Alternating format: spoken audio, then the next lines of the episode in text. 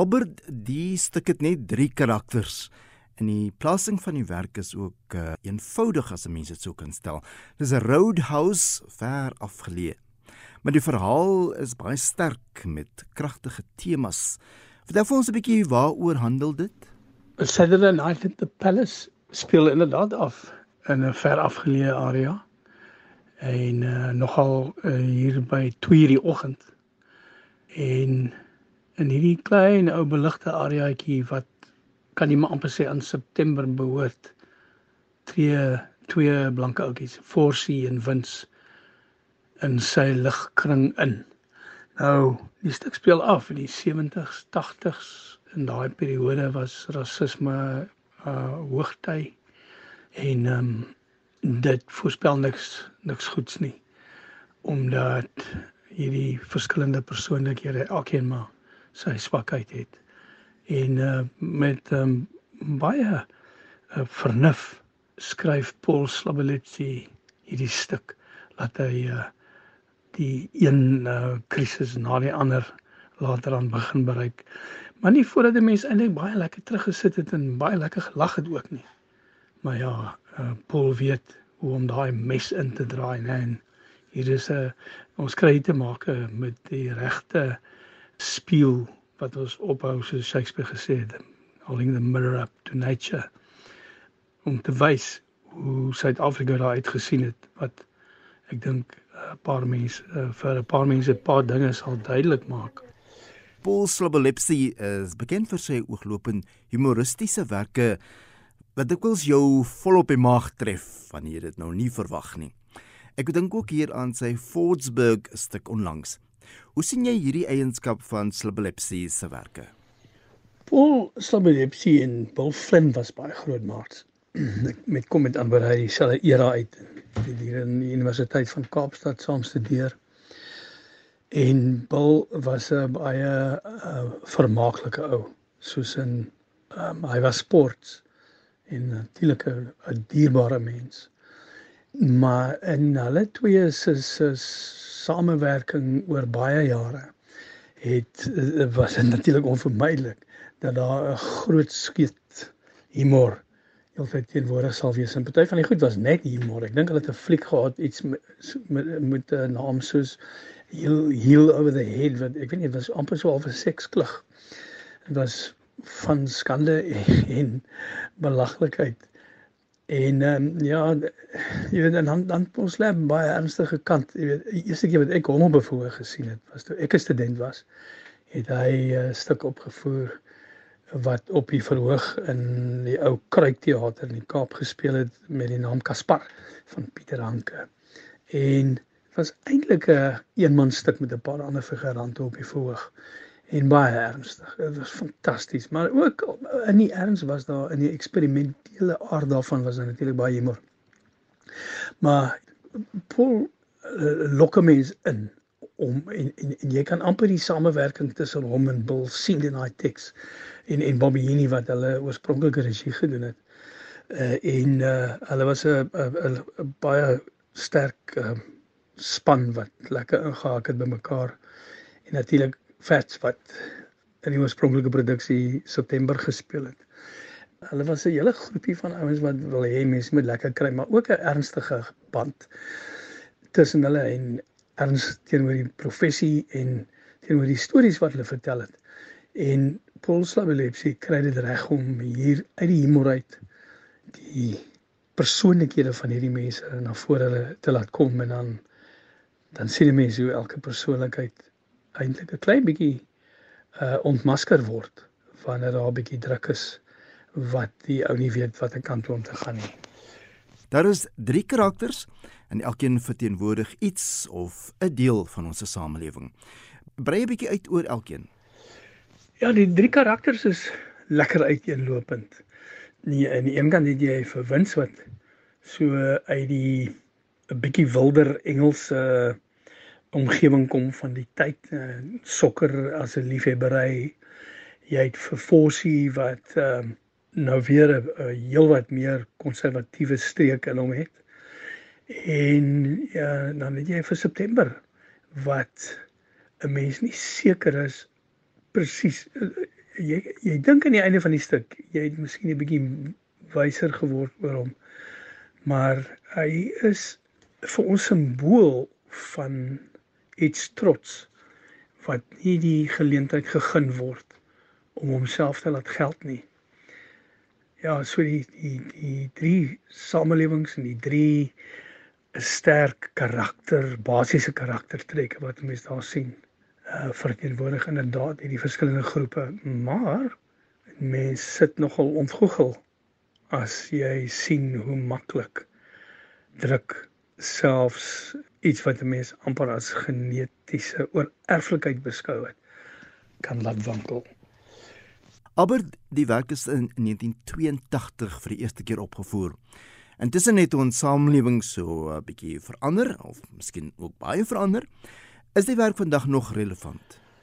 Of die stuk relevant is, moet 'n ou op 'n paar maniere antwoord en een manier waarop ek wil antwoord is deur te sê gewis gaan dit 'n gehoor laat uh, amper elektries reageer en laat sidder en laat deelneem.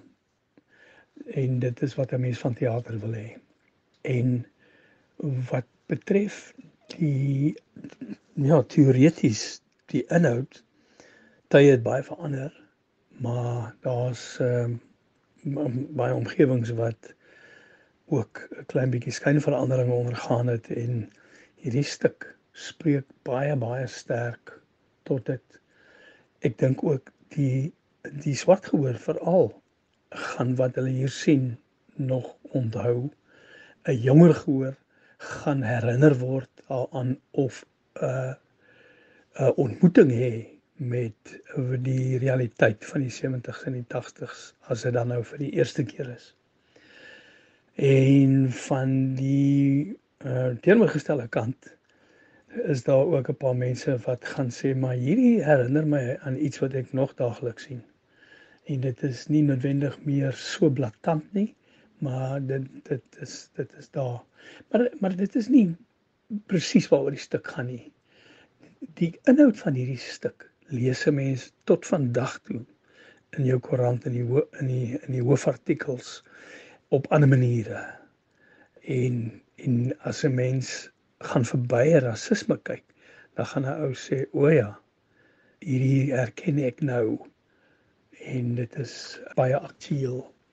Ja, so die stukke wat uh, wat ek die laaste tyd gesien het, uh Fugard en dis meer is is, is stukke wat bly bestaan omdat dit uh omdat dit so 'n uh, universele waarde het en en nog vir dekades sal bly bestaan of vir eeue miskien soos enige goeie teater en ek dink hierdie stuk van Paul Slavelepsy gaan gehore en vervoering hê oor uh, die vakmanskap waarmee hy dit aan mekaar gesmee het. Destyds het baie mense verwys na sulke werke as protesteater. Sal jy vandag steeds daardie term gebruik?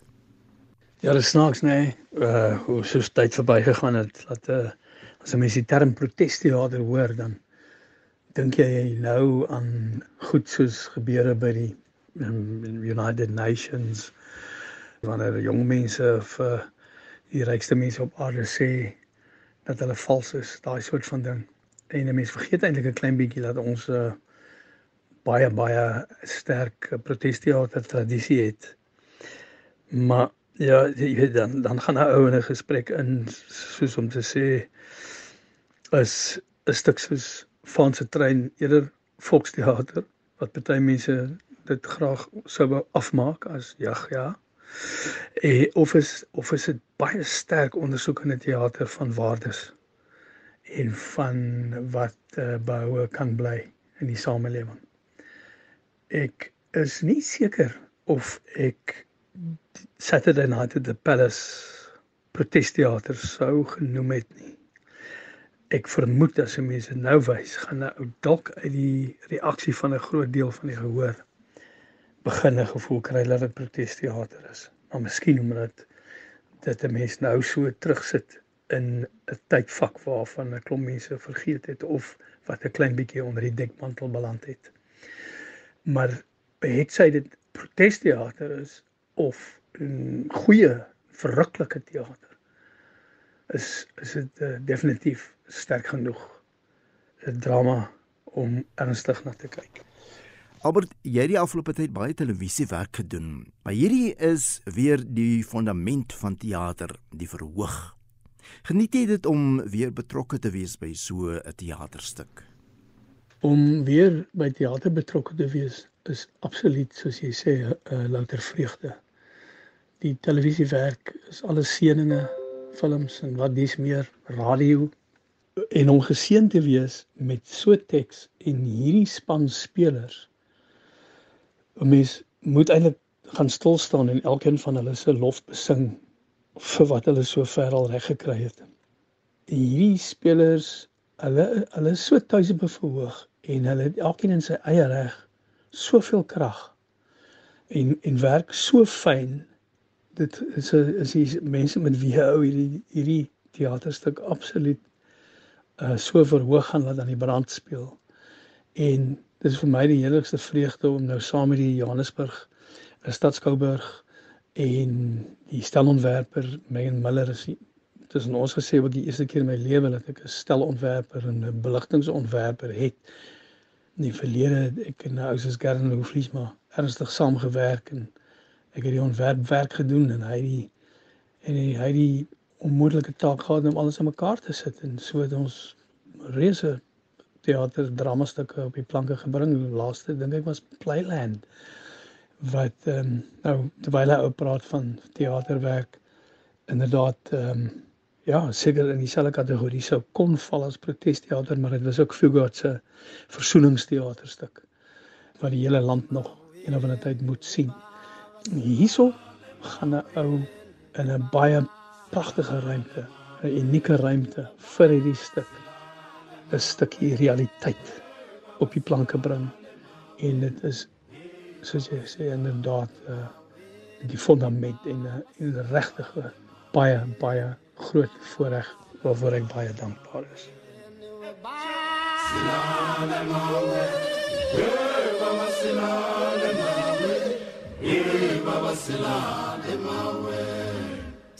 Strong wind, strong wind. Many dead tonight could be you.